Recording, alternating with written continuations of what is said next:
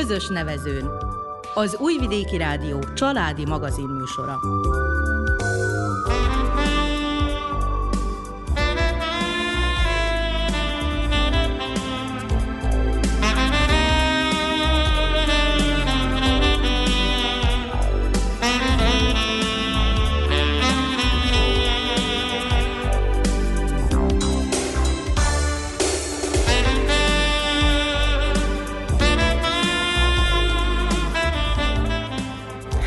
Köszöntjük hallgatóinkat a mikrofonnál Nánás Janikó és Miklós Csongor. A zenét Verica Polyákovics válogatja, a műszaki munkatársunk Daniel Stojanovics.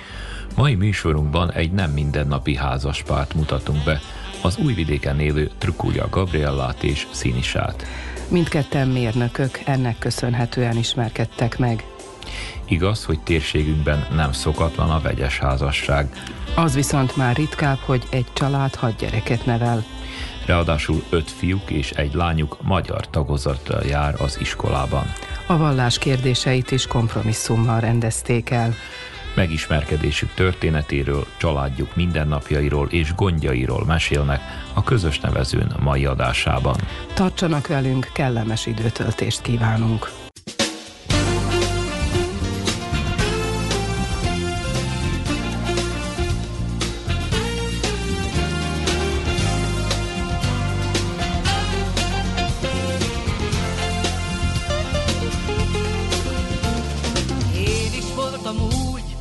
Senkiben sem bíztam, azt éreztem elfutni.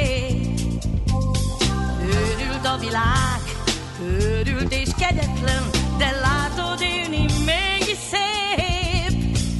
Mert mindig van egy pont, ahol jobb lesz minden, mindig van egy kéz, egy érintés, egy jel. Nézd a tükörbe és fogadd el, amit ott lát. Jártam már az elveszettek útján, pályának a legszélén. Ha minden összedőlt, azt érzed, hogy vége, padlom vagy és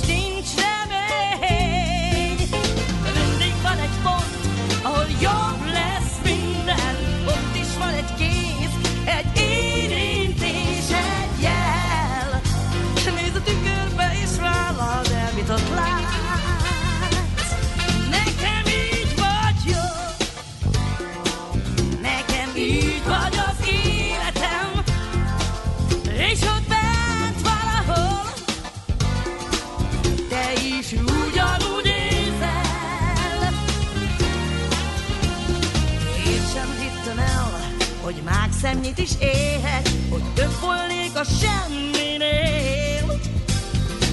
Úgy húzottam el a világtól oly szótlan, mint koldus, aki kérni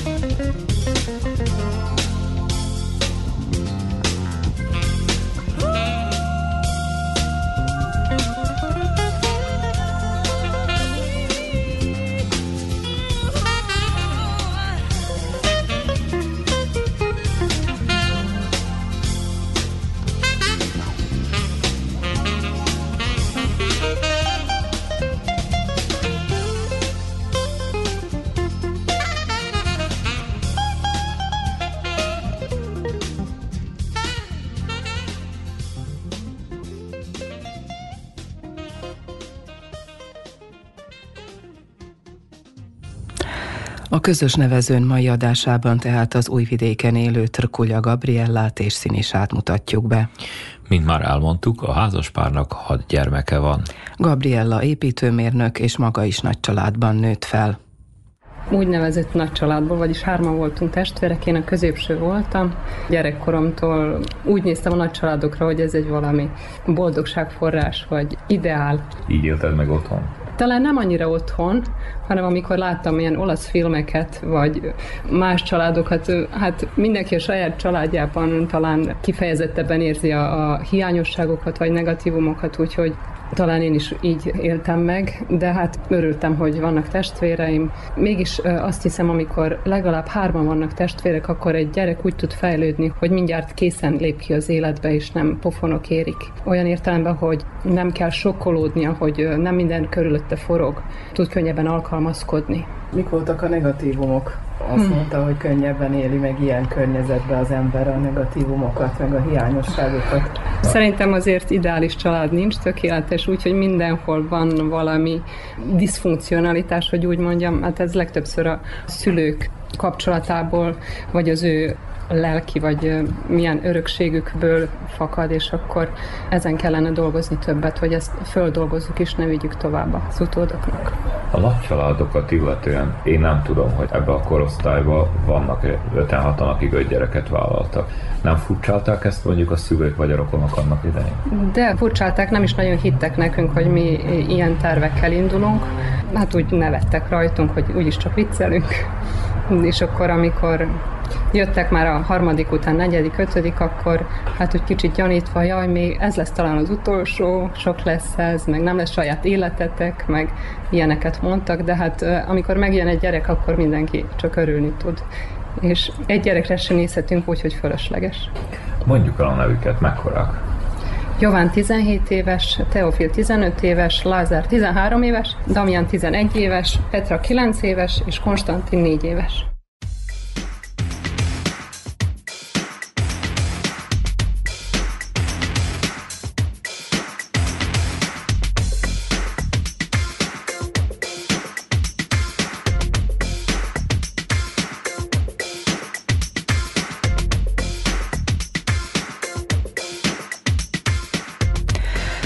Trkulja Szinisasz Mederevóban, azaz Szendrőben született, de Boszniában nőtt fel. 17 évesen visszaköltözött Szerbiába, először Pristinában, majd Belgrádban élt, végül Újvidéken kötött ki. Gépészmérnökként jelenleg a szerbiai villanygazdaság alkalmazottja. Emellett tanácsnok a városi képviselőtestületben. Korábban egyebek között az újvidéki szabadsághíd felújításán dolgozott. Így ismerkedett meg Gabriellával, aki a munkálatok felügyeletével volt megbízva. Na prvom sastanku da smo se dogovorili da ćemo imati petero dece, a ako Bog da i više, nek, hvala Bogu. Már az első találkánkon megbeszéltük, hogy sok gyerekünk lesz. Legalább öt, de ha Isten úgy akarja, akkor több is. Mindketten nagy családot szerettünk volna. Nálam ez onnan ered, hogy egy lánytestvérem van, és ő nem sokat segíthetett, amikor a szüleink házépítésbe fogtak. Ekkor eldöntöttem, hogy amikor megnősülök, legalább öt fiam lesz. És így is lett, hála Istennek. Eto ih imam i hvala hvala Bogu, mogu da počnem kuću da gradim. Da. Živjeli smo u Beogradu jedno vreme u jednom malom stanu, 40 i nešto kvadrata. Prva tri sina su se rodila u Beogradu, Posle toga smo, onda nam je to bilo tesno, onda smo prešli odnosno za Novi Sad. Gabriellával kezdetben Belgrádban éltünk egy kis lakásban, 41 néhány négyzetméteren. Az első három fiunk ott született, azután szűk lett a lakás, így újvidékre költöztünk. A fővárosban nem tudtuk volna megvalósítani a gyereknevelésre vonatkozó elképzeléseinket, nem tudtuk összehangolni a mi feladatainkat az ő kötelezettségeikkel. Én naponta egy-másfél órát utaztam a munkahelyemre, és ugyanennyit vissza. Ez napi három óra üres járatot jelentett. Emiatt nem sikerült volna a gyerekek időbeosztását is betartani. Az volt a célunk, hogy ők minél több dolgot kipróbáljanak, amíg meg nem találják önmagukat, az érdeklődésüknek leginkább megfelelő foglalatosságot. Porodice pre svega tako naravno pre bilo kakve veze. Mogao sam karijeru da gradim inostranstvo, imali smo prilike da idemo napolje i sve, ali je neki dogovor moj Gabrielin da eto imamo pet dečaka, njima treba muški autoritet i onda bolje u Novom Sadu da ostanemo. Nálam mindig a család állt az első helyen. Külföldön is építhettem volna a karrieremet, volt rá lehetőségem. De Gabriellával egyetértettünk abban, hogy az öt fiunknak szükségük van férfi tekintére. Ezért jobb, ha újvidéken maradunk. Itt mindenre jut időnk, ami a gyerekeket illeti. Talán az anyagiak rovására, de az a prioritásunk, hogy a gyerekeket normális emberekké neveljük, amennyire lehet. Napravili smo kompromise gdje god smo mogli i koliko god smo mogli. A da ne opet druga strana ne bude narušena, kako da kažem. Kompromisszumokat kötöttünk mindenben, amiben csak lehetett, hogy az ne menjen a másik fél kárára. A gyerekeket felváltva kereszteltük az ortodox, illetve a római katolikus templomban. Gabriella elfogadta a mi családunk védőszentjének ünnepét. Két karácsonyt és két húsvétot ünnepelünk. Nekünk ez normális. Az én családom meg az övé is elejében tiltakozott, de fokozatosan elfogadták döntéseinket. Moj otec stalno kaže, ono se recimo možda i prvi bunio, ovaj, kaže stalno, ali kako se ja bunim protiv nekoga ko mi je rodio šest unuka. Talán apám lázadozott a leghangosabban, de most azt mondja, hogyan tiltakozhatnék valaki ellen, aki hat unokát szült nekem. Úgyhogy a szüleim teljes mértékben elfogadták Gabriellát, és az övéi is engem. Tako da prihvatili su Gabrielu u potpunosti i Gabriela su mene prihvatili u potpunosti.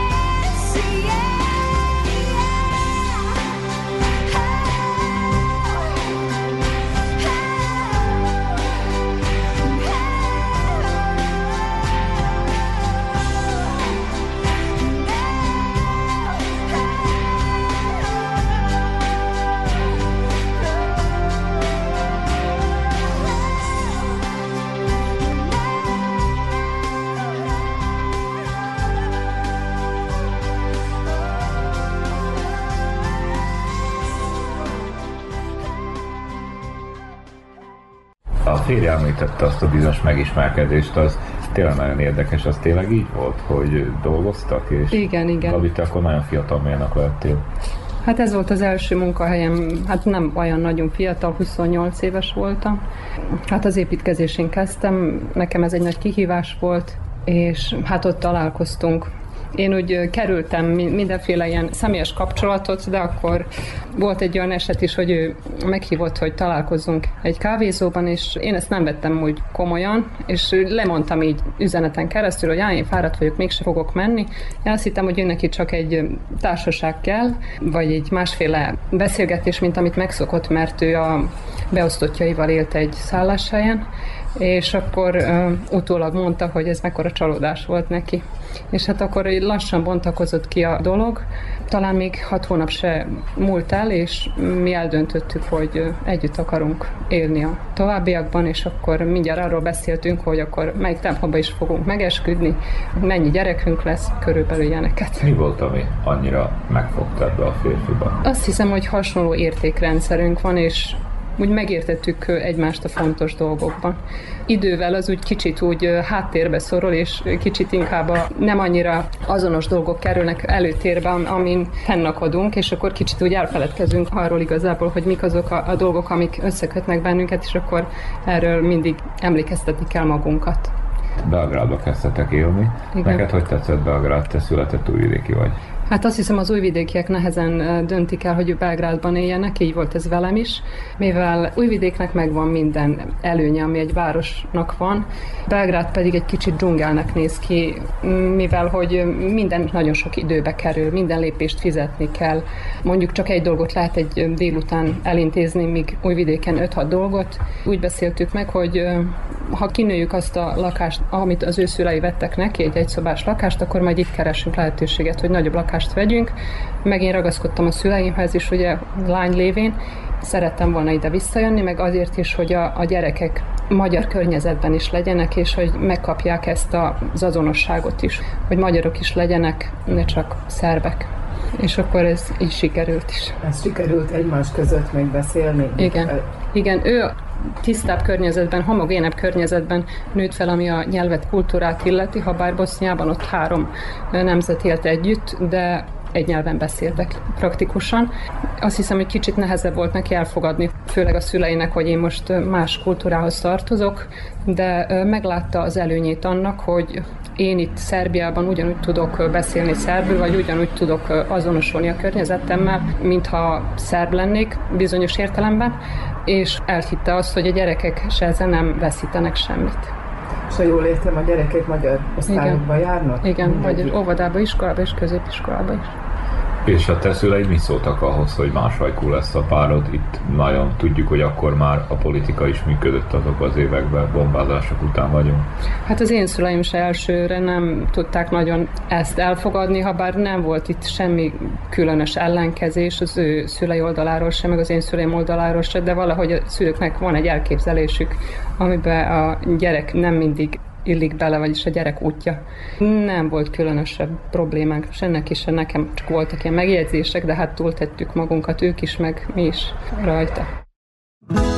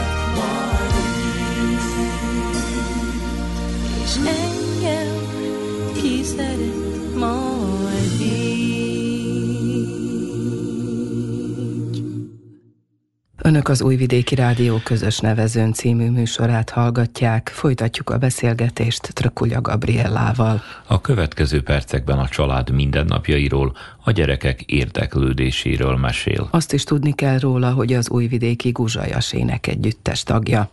Többször felmerült a kérdés, hogy szeretnék házban lakni, kertes házban, mert őnek is ez egy ilyen törekvése volt, meg nekem is, én is házban nőttem fel, de végül rájöttünk, hogy a lokáció az fontosabb, és így döntöttünk, hogy itt maradunk ezen a helyen. Ez különben az én nagyszüleimnek a háza helyén épült ez az épület, ahol van ez a mi lakásunk. Ennek köszönhetően most a gyerekek, akik már nagyobbak, már egyedül tudnak elmenni a sportra, színészetre, meg mindenre, amire járnak. Ugye zenélnek, Úgyhogy a nagyobbak azok egyedül elintézik a délutáni aktivitásokat, a kisebbeket pedig a férjem általában fuvarozza, meg reggel is óvodába, iskolába.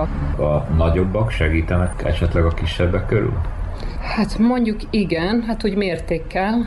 Mivel hát a kicsi a négy éves is elég önálló, egyedül öltözik, egyedül leszik, sőt már egyedül akar fürödni is, de akkor mikor megkérem, hogy menjen utána valaki, akkor persze, hogy mennek, meg hát úgy szeretnek körülötte anyáskodni, apáskodni. Te hogyan érzed, ha visszatekintesz, mint anya és fiatal értelmiségi, tehát hogyan tekintesz vissza az elmúlt húsz évre? Nem volt ez nehéz számodra? Annyi mindennel foglalkozol, a mai napig énekelsz, amikor csak teheted. Hát ez most már nem annyira aktív. Néha-néha így föléled, de igazából mindenki nagyon el van foglalva, ami a guzsajast illeti meg nem is vagyunk újvidéken mindannyian. Mindenkinek többféle aktivitása van, úgyhogy ez egy ilyen karakterisztika a lányok között. Ha így visszanézek, én akkor ezt nem éltem meg annyira nehéznek, de azt hiszem a legnehezebb volt, amikor a, a férjem becskereken dolgozott, és két végén jött haza. Én négy fiúval voltam, és közben jött már az ötödik is, autó nélkül, ekkor anyukám elég sokat segített, még a mai napig is segít, főleg ami az ebédkészítést illeti, a gyerekeket kiszolgálni, bevárni, ilyen dolgokban. De hát sose volt nehéz a gyerekekért bármit is megtenni, fölkelni korán, vagy későig ébren maradni, vagy ilyesmi. Mert ez egy olyan dolog, ami egyszer van, és aztán nem tér vissza. Két nagy az már nem annyira keresi a mi társaságunkat, megvan a saját világuk, a saját érdeklődésük, és akkor annyi, hogy meglegyen nekik az étel, a tiszta ruha, ilyesmi.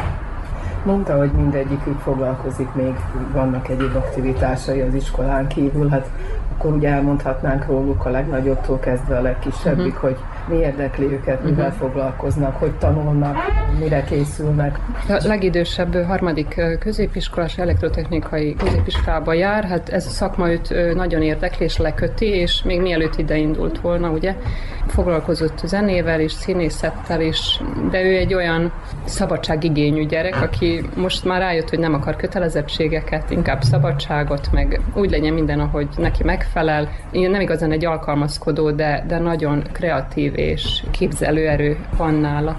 A második Teofilő egészségügyi középiskolába indult, befejezte az oboát, az alsófokút, most pedig privát szakszofonozik, privát órákon, azon kívül jár a diák színpadra, karatézik, ennyi. Lázár a harmadik, hát ő szertornázik, öt éves kora óta, és ilyen nagyon magas szinten, úgyhogy naponta három órát edz, és ezért ugye nincsen más aktivitása.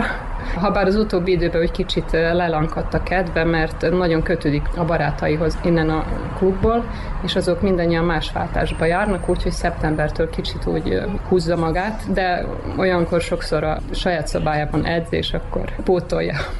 Damján ötödikes az iskolában, harmadikos a zeneiskolában, ő klarinétozik, azon kívül birkózásra járt, ha bár most azt nem folytatta még ebben az iskola évben, nem nagyon érkezik, de nyáron egy új területet fedezett fel, ami nagyon érdekli, ez pedig a rádióamatőrözés.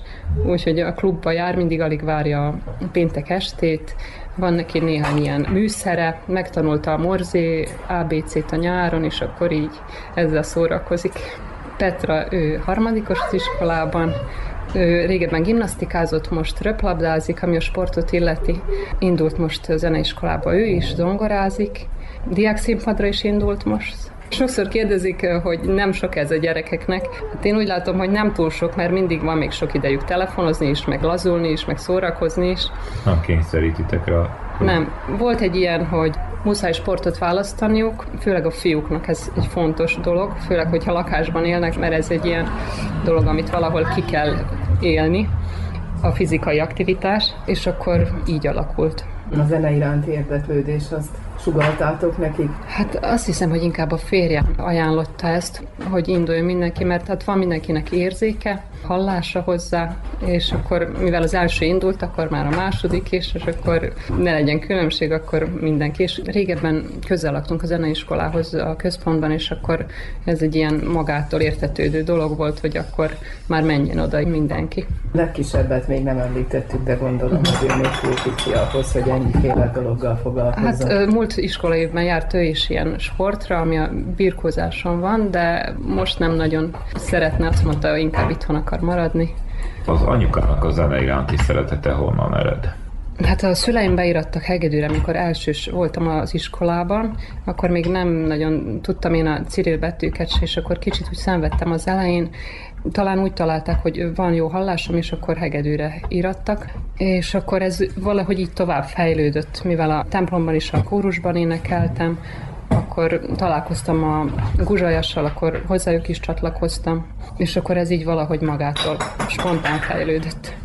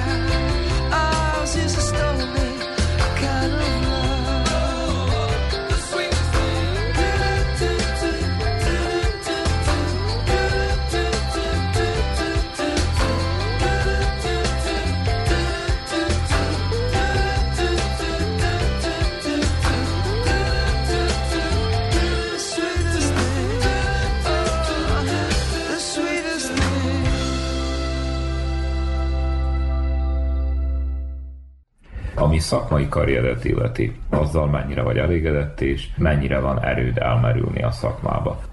Az emberek egy része azt mondja, hogy hát a család és a karrier nehezen megy együtt, és nagyon sokan azért tolják ki a gyerekvállalást, és ez egy probléma lett, egy komoly társadalmi probléma, hogy előtte karriert építenek. Tehát neked sikerült összehozni? Hát én az első gyereket 29 éves koromban szültem, és akkor úgy gondoltam, hogy hát majd alakul valahogy. Első helyen volt mindig ugye a család, meg a gyerekek ellátása, de mivel én építőmérnöki szakot fejeztem a műszaki karon, ez mindig ott meg volt, mint egy lehetőség mikor már nagy család voltunk, akkor úgy láttam, hogy most már nem mindegy, hogy milyen munkát vállalok, mert ezzel a szakmával ugye lehetne építkezésen is dolgozni, vagy tervezőirodában, ahol sokat túlóra, meg a nem elég jó beosztható munkaidő.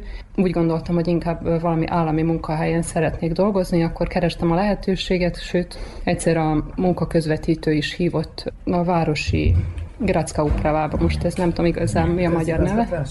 Igen, és akkor ott, ott kezdtem dolgozni. Hát ez mind közel a szakmához, vagy szakmai munka volt, ahol, ahol a diplomámat kellett bemutatni. Utána a tartományban dolgoztam, de nem volt olyan szerződésem, ami munkaviszont jelent, és akkor volt egy lehetőség tavalyi évben. Nyilvános pályázaton a munkaügyi minisztériumban pályáztam munkaügyi felügyelő pozícióra, és akkor most ott vagyok. Hát még mindig nem mondhatom, hogy tapasztalt vagyok, ugye még nincs egy évese, hogy mint önálló felügyelő dolgozok, de hát van többféle szituáció, ami e- még új nekem, de hát lassan jövök bele, úgy érzem, hogy jól megy. Itt az emberekkel való kontaktus is szerintem nagyon fontos. Igen, igen, hát ez az egyik szemszög, ami ugye nem mindenkinek jön be. A másik az, hogy nagyon nagy a jogi része ennek a munkának. Hát már volt az előző munkahelyen is egy ilyen tapasztalatom, ott az épületek törvényesítésével foglalkoztam, úgyhogy nem volt ez annyira idegen, meg anyukám is ugye jogász, és akkor volt belátásom ilyen különböző dolgokba, úgyhogy föltalálom magam. És a munkahelyekkel kapcsolatban mi az, amit felügyelni kell itt nálunk? Hát igazából a munkaadókat ellenőrizzük, hogy betartják a törvényt a munkavállalók irányában. Hát a munkaviszonyokat és a biztonságot a munkán, ezt ellenőrizzük. És mit lehetne így általánosságban mondani, milyen a helyzet? Nálunk úgy van, hogy vannak jogászok, meg vannak mérnökök körülbelül fele-fele arányban, és akkor aki mérnök, az inkább a biztonsággal foglalkozik, meg a sérülésekkel a munkahelyen, és akkor minden néhány hétben én is ügyeletes vagyok, vagyis egy hétig 24 órában, amikor bármilyen sérülés történik a munkahelyeken, akkor nekem reagálni kell, vagy helyszínre menni, vagy ilyesmi. Még mindig van elég sok feketén dolgozás, vagyis hogy a, a munkaadók nem jelentik be a biztosításra a munkavállalókat. Sérülések alkalmával is nagyon sok mulasztás kiderül. Nem mutatják meg, hogy hogy kell biztonságosan dolgozni, vagy nincsen meg a, a megfelelő készenlét, hogy úgy mondjam. A ti életetekben nagyon fontos a vallás, és úgy nézem, hogy itt is egymásra találtatok, itt egy mini oltár van itt a sarokban. Igen. Ez honnan ered? Te, te ilyen családban nevelkedtél? Igen, ilyen családban nevelkedtem, vagyis hát templomba jártam gyerekkorom óta, de ezt nem mondhatom el minden családtagomról. Ez úgy van, hogy ez egy személyes dolog, így alakult nálam. És nekem ez egy fontos dolog volt. Most nem tudom, hogy mikortól kezdve. Amikor még gyerek voltam, akkor úgy volt, hogy hát egy gyerek nem tudja épp ezt az egészet így fölfogni minden rétegében, úgyhogy Emlékszem, hogy olyat is mondtam, hogy azért megyek templomba, hogy ne legyen még egy mulasztásom, hogy nem mentem. És akkor ez aztán így tovább alakult, hogy találtam egy nagy alapot a hitben, amire építeni lehet az életet. És ezt is a férjeddel össze tudtátok hozni? Igen, ő is felnőtt korában keresztelkedett, úgyhogy ez nem egy ilyen ráerőltetett dolog volt, vagyis egy családból hozott formalitás. Neki is ez fontos volt, sőt, amikor még nem is házasodtunk össze, akkor kérte, hogy az első gyerekünk Jovan legyen, vagy Jovana, mivel az az ő családi szentjük neve, és akkor ezt így megbeszéltük, volt több ilyen megbeszélésünk az elején, de hát ez az élettel már kicsit másképp alakult. Például megbeszéltük, hogy majd együtt megyünk mindig a templomba, de hát ez nem sikerül mindig így. A gyerekeket felváltva kereszteltük az egyik meg a másik egyházban. Most az iskolai hitnára pravoszláva járnak, a templomi hitnára pedig katolikusra, úgyhogy ez ilyen kombináció. Ti vagytok a tanú bizonyságai annak, hogy jó kompromisszumokkal és sok kompromisszummal mennyire működtetett család. Ezt a szeretet hozta össze, vagy a józanész, vagy mi? Hát valószínűleg mind a kettő. Hát persze, hogy vannak konfliktusok, meg nem megértések, de akkor mindig meg kell várni, hogy kicsit az érzelmek lecsillapodjanak, és akkor tudunk beszélni tovább. De hát mint minden kapcsolatban ezt mindig éltetni kell, hogy úgy mondjam, mindig előre kell valahogy lépni, hogyha nem akarunk hátra csúszni. Jó, de ez, hogy nemzeti identitás és vallás, ezek komoly dolgok, ezeket gondolom előre kell letárgyalni Igen, igen. erre. Ezekből is adódik vita, vagy hogy működik ez nálad? Hát lehet, hogy néha egyikünk úgy hiszi, hogy kicsit háttérben van, akkor szól, de hát nem szokott ez lényeges dolog lenni. Mert nem az a fontos, hogy te melyik templomba keresztelkedtél, hanem hogy Krisztus követő legyél, hogy az a fontos. Te, mint családanya, mit tartasz nehézségnek, és mit tartasz mondjuk jónak a mai világban, vagy mondjam azt, hogy a ti család életetekbe elégedett vagy az életeddel? Elégedett vagyok. Én azt szeretném mondani, hogy nem szeretném, hogy, hogy valamit ne tegyek meg, vagy valamit olyat tegyek, amit aztán sajnálni fogok, úgyhogy ilyen értelemben elégedett vagyok.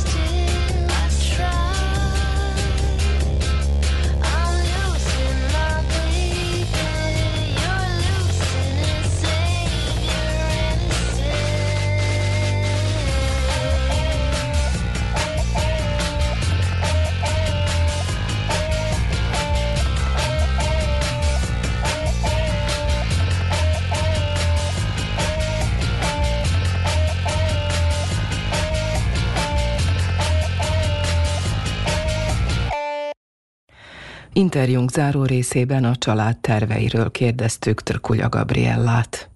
Többféle ötlet szokott így időnként felmerülni. A legaktuálisabb talán az, hogy egy 5-10 év múlva, amikor a gyerekek önállósulnak, hogy akkor mi kivonulunk a városból, és egy ilyen telken vagy házban fogunk élni. De hát ez még majd kiderül, hogy hogy lesz. Vagy egy, egy görög szigeten, kecskékkel, meg olajfákkal. Ti így városiak ezt el tudnátok képzelni? Igen, igen. Habár nincsen meg igazából a praktikus tudásunk, de hát majd belejövünk. És a gyerekek számára vannak-e tervek? Ez tőlük függ, mi támogatjuk őket mindenben, ami normális dolognak tűnik. Azt mondjuk nekik, hogy bármit is választanak, hogy mi mögöttük állunk és támogatjuk őket. És hát ez így is van, ne, nem annyira kényszerítjük őket szinte semmire, ez néha negatívumnak tűnik, mert hát nem valami buzgó tanulók, de hát ez az ő választásuk, és talán neki kell rájönni, hogy miért is minek tanulnak. Van-e valami rutinatok, ami elősegíti a család működését? Gondolok arra, hogy esti beszélgetés, ebédnél való megbeszélés, tehát van-e titka a harmonikus családi Hát működésnek? időnként, időnként van ilyen családi skupstina, meg szoktunk beszélni, ami épp aktuális, de hát ez nem rendszeres, amikor olyan a helyzet. És a gyerekeknek mennyi beleszólást engedtek a nagyobb döntésekbe?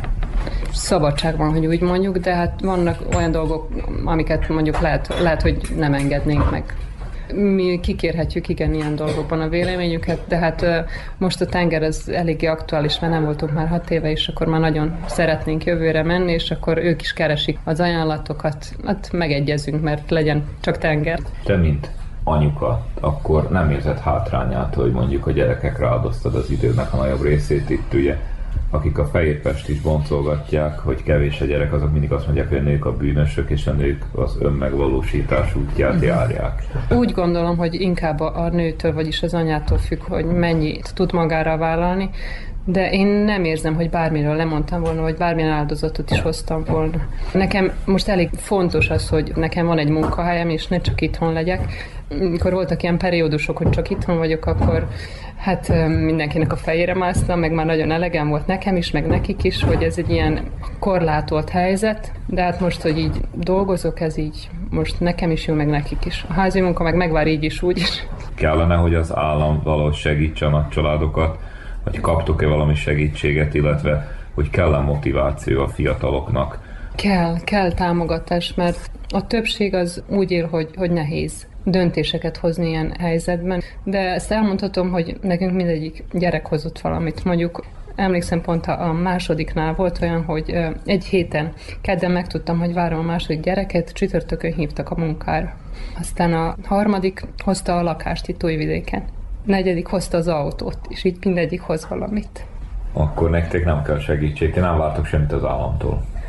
Hát igazából azt hiszem az ember, amikor gyerekről dönt, akkor nem az államot veszi figyelembe, hanem a saját életét és a saját boldogságát. Segítség az mindig el kell, támogatást nem utasítunk el. Mondjuk nekem sokat jelent az, hogy mindkét nagymama besegít a házi munkába, az ételkészítésbe, a takarításba, vagy vasalásba, ilyesmibe. Mindkét nagymama nagyon önfeláldozó, amennyi az erejétől telik, annyit megtesz. Néha még többet is az anyósom meg az apósom, ők ki is mondják, hogy ők a gyerekek miatt élnek, és hogy mindent ő miattuk tesznek, vagy adnak. Logisztikai támogatás kellene mondjuk inkább, mint anyagi. Mondjuk nekem az előnyben van, igen, hogy logisztika, de hát mondom, hogy hat éve nem voltunk tengeren, biztos, ha egy gyerekünk lenne, akkor gyakrabban mennénk. Nem panaszkodhatok, mert nincs mire, de mondom, elsősorban az ember magát nézi, amikor gyereket vállal, nem, nem az államot, és nem az állam segítségére számít.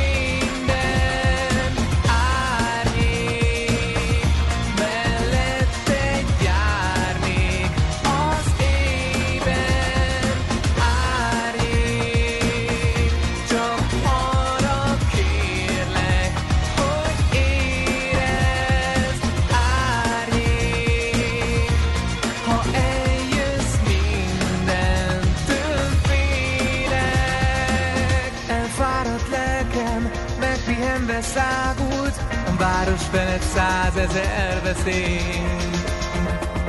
Egy angyal néz rám, szívem bele a suttogása csak rólad beszél. Azt mondtad, hogy mindig kell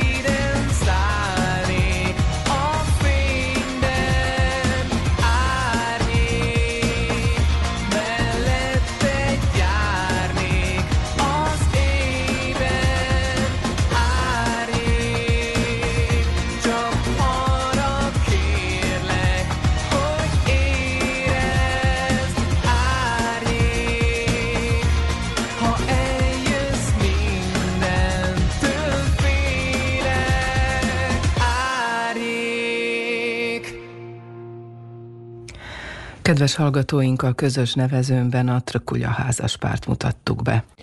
Adásunkhoz a zenét Verica Poljákovics válogatta, műszaki munkatársunk Daniel Stanojevics volt. Nevükben is megköszöni figyelmüket Nánás Janikó és Miklós Csongor. Maradjanak az Újvidéki Rádió mellett. Hú!